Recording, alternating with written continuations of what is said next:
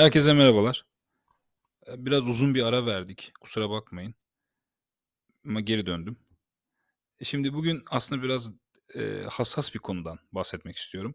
O yüzden de biraz çekiniyorum ama bu çekincem beni yanlış anlarsınız diye değil de ben istemediğim bir şeye neden olurum diye aslında. Çünkü benim bir amacım var. O amacı da zaten aslında şimdi konuşmanın başında direkt dile getireceğim.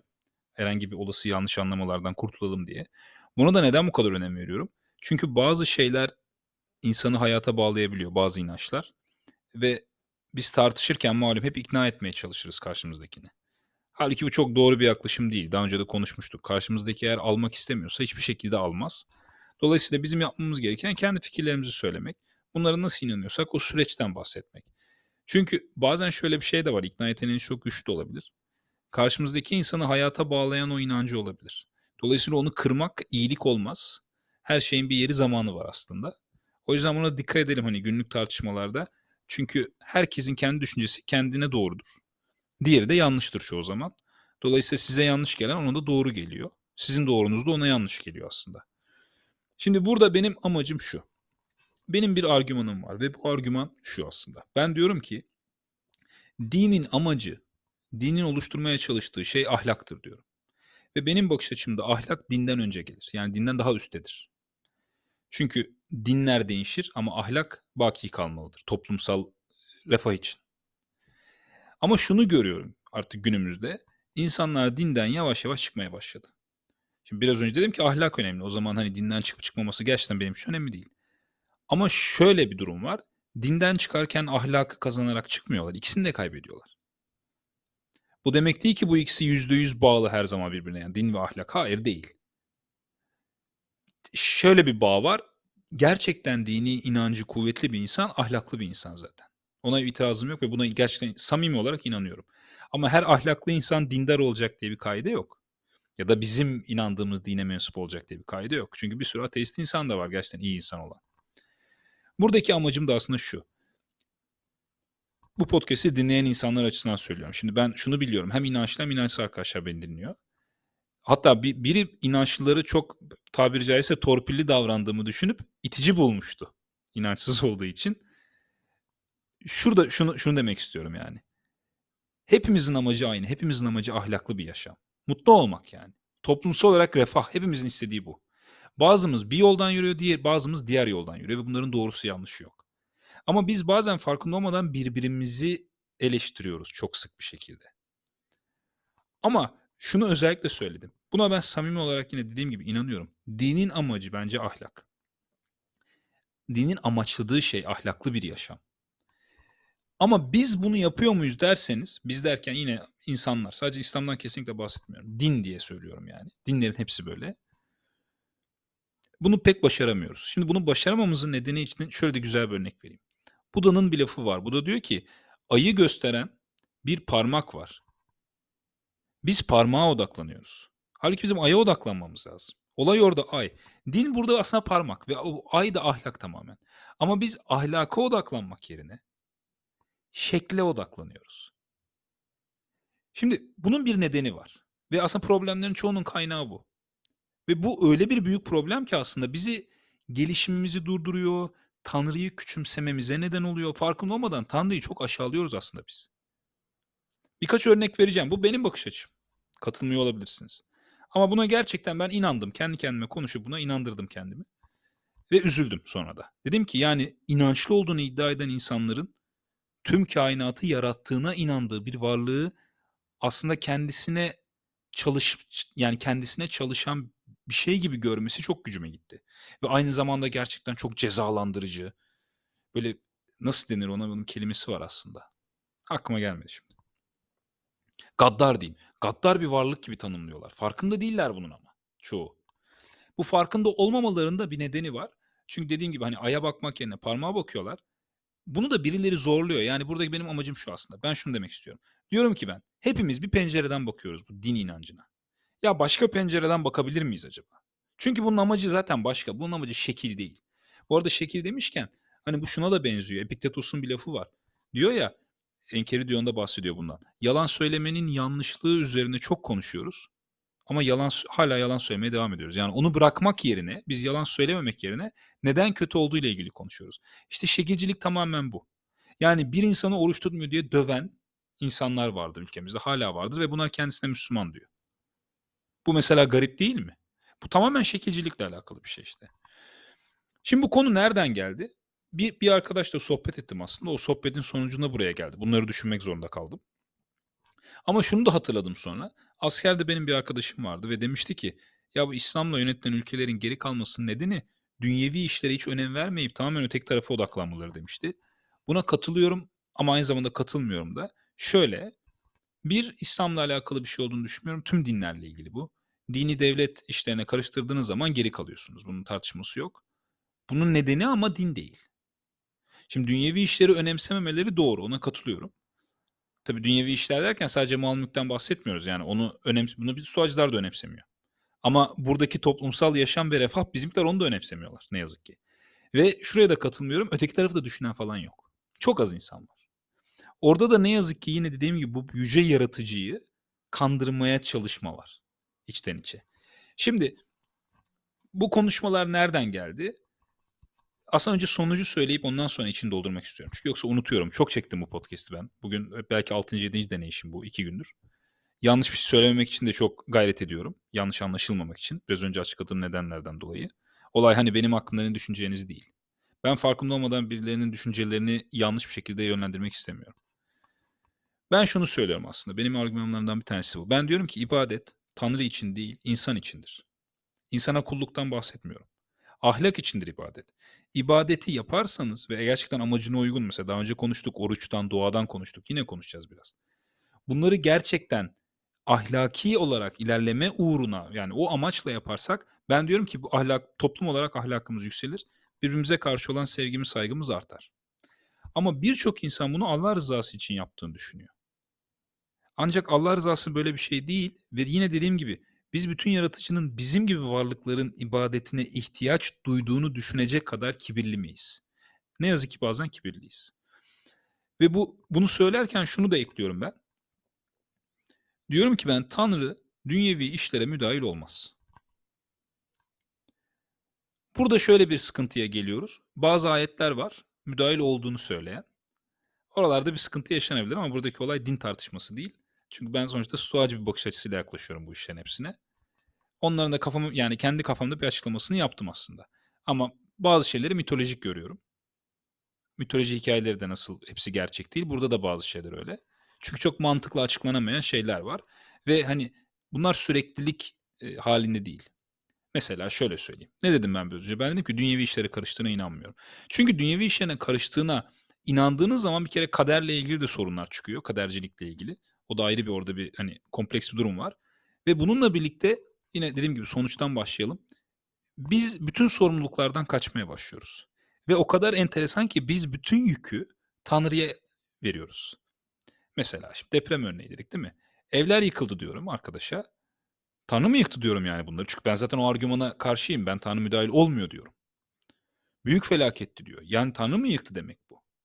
E, ayet var diyor. Sizi mallarınızla, çoluğunuzla, çocuğunuzla sınayacağım demiş. Yani şimdi üstü kapalı bir şekilde biz şunu mu ima ediyoruz? Yani biz şuna mı inanıyoruz gerçekten? Tanrı bizim burnumuz sürtsün diye bizim malımızı, mülkümüzü yok etti ve çocuklarımızı öldürdü mü? Bir insan bunu, inançlı bir insan bunu nasıl düşünebilir? Ben bunu tahayyül edemiyorum açıkçası. Ve çok samimiyim bu konuda. Ben edemiyorum. Demek istediğim biri buydu. Bu çok tehlikeli bir yere gidiyor. Bu bir. İkincisi üstümüzden bütün sorumluluğu atmamızı sağlıyor. Başarılı bir insan olamadınız. E Allah beni istememiş başarılı olmam der sıyrılırsınız. Deprem olur ev yıkılır. Ya bu evin harcını karan adamın bu betonu döken adamın hiç suçu yok mu? Büyük felaketti diyor. Ya suçu ne yaptık şimdi biz? Bu insandan aldık. Bu, bu o demek yani kimse kusura bakmasın. Eğer siz gelip de bu deprem Allah'tan geldi diyorsanız siz oradaki bütün suçluların otomatik olarak beraat ettirdiniz şu an. Suçun da hepsini gittiniz Tanrı'ya yüklediniz. Ders alalım diyeymiş. Bana bu çok bu hastalıklı bir düşünce bence. Yani kimse kusura bakmasın. Biraz belki sert söyledim ama bu hastalıklı bir düşünce ve bütün bu geri kalmışlığı nedeni dinlerde. Yine söylüyorum İslam'la ilgili değil. Budizm'de falan da aynı yani. Dinlerde ki hani dini ülkelerde geri kalmış nedeni tam olarak bu. Üstümüzden bütün yükü atıyoruz biz. Boş beleş istekler gibi sürekli. Ve öyle bir şey ki sürekli Allah'ın adı ağzımızda. Ya ama hayırlı bir şey için de değil. Yani okuyorum mesela yorumları. Instagram'da böyle enteresan komplo teorileri kanalları var. Bazen sadece yorumlarına bakıyorum. Elon Musk bir şey söylemiş. Altında öyle beddualar var ki. Ya diyorum ki bir dakika sen hani şimdi stoacılık okuyoruz. Markus ne diyor? Akraba diyor. Bunlar benzer şeyler değil mi? Aynı soydan geliyoruz. Yani logostan geliyoruz stoacılıkta. İslam'da da Tanrı ruhu üflüyor. Ya senin bu küfür ettiğin, beddua ettiğin insan da senin akraban. Neden iyilik dilemiyorsun da bela okuyorsun? 10 satır bela okumuşlar mesela. Ya böyle bir inanç sistemi olabilir mi? İnanç bu değil, din de bu değil. Benim argümanım bu. Biz öyle bir pencereden bakmayı seçiyoruz ki işte o şekilcilik içinde kalmışız. Ya bunun bütün amacı ahlaktı. Sen bunu aldın, bu yaratıcıyı da aldın, bela okuyorsun bu insana ve yaratıcı aracı kullanıyorsun. Nüsük Allah belanı versin seni diyorsun. Şimdi arkadaşlar lütfen oturalım bir eğri oturup doğru konuşalım. Ya bu Allah dediğimiz varlık özellikle inanan arkadaşlar için söylüyorum. Bizim git şunu çarp ya da ben şöyle şeyler arzuluyorum bunları bana ver diyebileceğimiz bizim hizmetkarımız mı? Biz emir kipiyle Allah belanı versin emir kipi. Okumalarda falan yaşamışsınızdır. Emir kipiyle konuşuruz, dua ederiz. Hatta lütfen arkadaşlar bazıları kusura bakmasın ama bazen bir de yalakalık yapıyoruz biz dualarda. Allah'ım sen affedicisin, sen şöylesin, böylesin diye bir pohpohluyoruz biz. Ondan sonra da istekte bulunuyoruz. Bakın ben kimsenin inancını küçümsemiyorum şu an. Tam tersini yapmaya çalışıyorum. Diyorum ki biz kendimiz inancımızla bu yüceliği ya kendi bunu dini inancı olan insan ne diyor? En yüce varlık diyor. İyi de sen güzel kardeşim en yüce varlığı senin hizmetkarına çevirmişsin. Bütün suçları üstüne atıyorsun. Güzel şeylerden hiç bahsetmiyorsun. Bela okurken onun bela vermesini istiyorsun senin adına. Bu nasıl oluyor? İşte bizim sorunumuz aslında bu. Sorun din değil. Sorun bizim bu dini nasıl evirip çevirip kendi kişisel emellerimiz için kullandığımız gerçeği. Şimdi bu konu biraz bu sefer hikayeye geçeyim. Konuştuğumuz şeye geçeyim. Benim argümanlarım bunlar. Ben müthiş derecede Tanrı'yı o kadar kibirliyiz ki biz. O kadar kibirliyiz ama. Tanrı'yı hizmetkar gibi görüyoruz kendimize. Ve bu esas hastalıklı düşünce bu işte. Ve bizi geri tutan şey de bu. Konuşuyoruz işte deprem işte Allah yaptı diyor. Tamam neyse deprem bilemiyorlar dedi. Sadece gaybı sadece Allah bilir dedi. Onu da zaten hani geçen hafta da iki hafta önce konuşmuştuk. Gaybın ne olduğunu da bilmediğimiz için biz. Sanıyoruz ki bir saat sonra olacak şeyler gayb. Hayır gayb bu değil. Çünkü ben bir saat sonra bazı bazı şeylerin ne olacağını biliyorum. Örneğin ben şimdi burada musluğu açık bırakır tıpayı da kapatırsam bir saat sonra su basar burayı. Ben bunu biliyorum şu an. Bu gayb mı? Bende tanrısal bir güç mü var? Bende var bir tanrısal bir güç bu arada. Hepimizde var. O ayrı ama bu çok özel bir şey gerektirmiyor yani. Deprem de bunun gibi. Ben şimdi bir pet şişesi diyor ki işte mesela bak gününü bilemiyorlar diyor. Sadece Tanrı bilir diyor. Valla ben dedim Tanrı'nın bilip bilmemesi ya beni hiç ilgilendirmiyor. Çünkü ben bilmiyorum ve ben Tanrı'yla konuşamıyorum. Dolayısıyla bu, bu bilgi benim hayatımı değiştiren bir bilgi değil. Bu gereksiz bir bilgi. Onun bilip bilmemesi benim hayatımı etkilemiyor, engellemiyor da bir şeyi. Bir şey de bana vermiyor. Bu Tanrı'yı küçümsemek değil. Bu bayağı olan şeyi net bir şekilde sunmak. Bu bilgi benim için önemli değil. Ben elimde olanlara bakacağım çünkü. Ne benim elimde şu an? Mesela o deprem bölgesinde oturup oturmamak benim elimde. Kimse eleştirmiyorum bu arada yanlış olmasın. Yani niye oturdular falan demiyorum. Ben müteahhitsem eğer ya da inşaat işçisiysem her neysem evi sağlam yapıp yapmamak benim elimde. Bir valiysem, bir belediye başkanıysam, ne bileyim TÜBİTAK'sam bana gelen projeleri değerlendirmek benim elimde. Tanrı'nın bunu bilip bilmemesi benim hiç, hiçbir şekilde beni etkilemiyor. Çünkü bu benim kontrolümde değil. Ama yine bunu bahane olarak kullanıyorlar. Onu da açıkladım. Dedim ki hayır biliyorlar depremin ne zaman olacağını. Gün söyleyemiyor olabilirler. Ama sana bir aralık veriyor adam 5 yıl diyor. Bunu beğenmiyor musun 5 yıl yani? 5 yıl sene güzel bir müddetim var. Yarın da olabilir, 5 sene sonra da olabilir diyor. Ama bildiğimiz bazı şeyler var örneğin.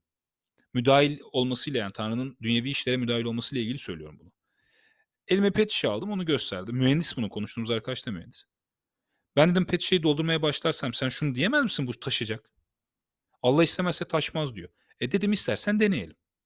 Sabahtan akşama kadar bu suyu dolduralım. Bakalım taşıyacak mı, taşmayacak mı? Burada yine Tanrı'nın varlığıyla ilgili bir argüman yok. Benim argümanım net çünkü. Biraz önce de söyledim. Ben müdahil olmadığını düşünüyorum. Ve müdahil olmuyor. Müdahil olduğuna delil olarak gösterdiğimiz sadece kutsal kitapta yazan şeyler. Hepsi de bin sene önce olmuş. En az. Ki dediğim gibi hani buralarda da daha mitolojik bir amaç görebiliriz belki. Aklımızın ermediği diyeyim şimdi. Ama şu an öyle bir şey yok.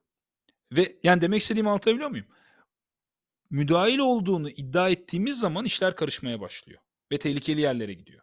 Çünkü dediğim gibi yani Tanrı'nın bize ceza verme amacıyla bir şeyler yaptığına falan inanmaya başlıyoruz. Bu çok tehlikeli ve çok gerçekten çok yanlış bir düşünce. Şimdi aslında biraz konuşun da ikna olduğunu düşündüm de bu konulara geldikten sonra şey denir hep. Hani sen tedbirini al zaten sonra dua et derler. Bu da kaderciliğe aykırı bir şey. Çünkü dediğim gibi kader sistemi varsa o zaman benim tedbir almam neyi değiştiriyor? Hani için rahatlar diyebilirsiniz. Ya içten her türlü rahatlatırsın zaten içini. Şimdi burada da olayım aslında şu. Gelmek istediğim nokta o. Orayı eleştirmiyorum çünkü. Bana dedi ki mesela dedi sınavdan geçmek istersen sen de dersini çalışsın sonra dua edersin. Ben dedim dua etmiyorum.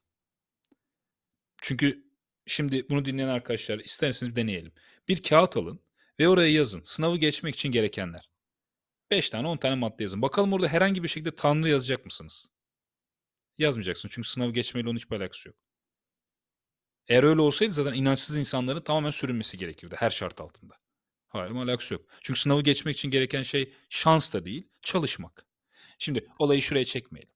Hani bizim ülkemizde atıyorum liyakat yok ben 100 aldım ama beni geçirmediler. E bunun Tanrı, bunun da Tanrı ile ilgisi yok. Zaten dürüst bir insansınız ve Tanrı size yardım etmiyorsa yine tehlikeli bir yere gidiyor oluyorsunuz.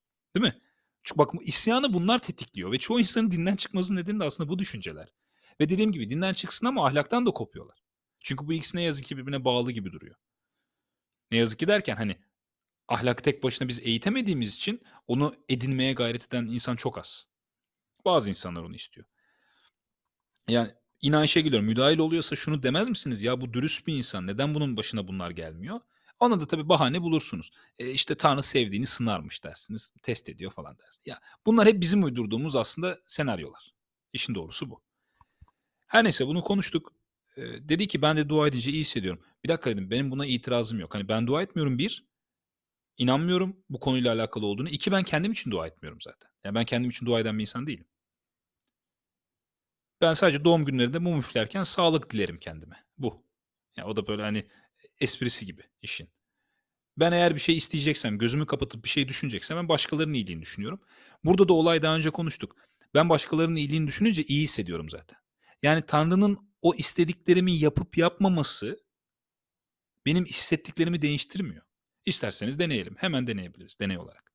Oturun güzel şeyler düşünün sevdiğiniz insanlar hakkında. Onları hayal edin. Onların sağlıklı olduğunu, her şeyin yolunda gittiğini düşünün onlar için. iyi hissetmeye başlayacaksınız. Neden? Bu, bu bizimle alakalı şeyler bunlar. Daha istediğiniz şeylerin hiçbiri gerçekleşmedi bile. Tanrı bunları yapmadı. Tam tersini düşünün, kötü şeyler düşünün. Ayakları kırılsın deyin. Başında bela eksik olmasın deyin. Bu bahsettiğim Instagram yorumları gibi bela okuyun. Allah belasını versin deyin. Bunu söylerken bile yüzünüzün aldığı şekil değişiyor. İçiniz bir kararmaya başlıyor. Niye? Çünkü bunu da biz yapıyoruz. Bakın Tanrı bir şey yapmadı. Biz düşündük. Biz konuştuk. Ne zaman ki bu ayrımı tam olarak yakalarız işte o zaman hem ahlaklı hale geleceğiz hem de din düşmanları da ortadan kalkacak. Çünkü şu an din düşmanları var. Bunun nedeni de bu dini tamamen enteresan şekilde kendi çıkarları için yorumlayan insanlar. Bunlar yüzünden insanlar dinden çıkıyor zaten. Yoksa mantıksız buldukları için, mantıklı buldukları için falan değil. Çünkü olay mantığında değil zaten değil mi? Olay o eylemlerle ahlaki bir yere gelmek. Ama artık geldiği dönem itibariyle, geldiği yeri itibariyle bazı şeyler biraz sert olabilir. Bazı dinler öyledir. Hepsi öyle değildir. Örneğin Budizm'de benim anlattığım en azından Budist bölümlerde böyle bir sertlik yok. Ama manastır hayatına girdiğiniz zaman orada da katı kurallar var. Yalnız falakayı yatırmıyorlar yani. Ya da yakmıyorlar. Bunlar yok. Hani öteki tarafta seni yakarız demiyor mesela. Ama nedir? E, manastırdan atıyorlar. Yani en büyük yaptıkları şey o. Son olarak şunu da söyleyeyim. Çok uzamasın konu. Demiştim ya en başta ibadetin nedeni hani aslında insandır diye. Bu arkadaşla konuşurken onu yine söyledim. Dedim ki ya yarın bir şekilde ispatlasalar ya Tanrı diye bir şey yokmuş. Cennet cehennem yokmuş. Sen dedim değiştirecek misin yaptıklarını? Sen hırsızlık yapmaya başlayacak mısın? Eşine sadakatsiz mi olacaksın? Önce hayır dedi. Bu arada hep herkesten beklediğimiz cevap aslında hayırdır burada. Ama çok hani örnekler verip eleştirmek istemiyorum. Kimseyi küçük görmek istemiyorum. O yüzden uzatmayacağım konuyu. Ama ondan sonra dedi ki bilmiyorum dedi. Ben bu arada yaparım herhalde diye düşündüğünden bilmiyorum dediğini düşünmüyorum. Onu söyleyeyim. Şunu dedi yani o anki hissiyatım bilemem dedi. Ama bence bilmiyorum ve bilemem bile çok tehlikeli bir cevap. Çünkü hiçbir zaman böyle olmamalı. Bu aslında işte dini inançla ahlaki değerler arasındaki farkı gösteriyor. Eğer ahlaki değerleriniz sağlamsa o zaman dediğim gibi bu ahlaka hangi yoldan gittiğiniz pek önemli değil. Ama biz işte ayı değil de o parmağa odaklanırsak ki çoğu zaman ne yazık ki yaptığımız bu, işte o zaman her şeyi kaybedebiliyoruz. Dolayısıyla genç arkadaşlar için de söylüyorum. Dini inançta hiçbir sorun yok. Bu ara popüler olmayabilir. İnsanlar hoş görmeyebilir. Ama şuna dikkat edin. Siz aya mı bakıyorsunuz yoksa o parmağa mı odaklanıyorsunuz din diye? O zaman şekilciliğe giriyoruz. O zaman işte bilmem kaç santim sakal bırakmaya, bazı şeyler giymeye, efendim başkalarının hırkalarını öpmeye falan kalkıyoruz işte. İş buradan sonra bozuluyor. Bunu da kasten yapıyor bazıları. Çünkü burada insanları çok rahat bir şekilde kullanabiliyorsunuz. İnsanların baktığı pencereleri, mesela ne dedim ben? İnsanlar bu pencere, A penceresinden bakıyor, ben B penceresinden bakıyorum.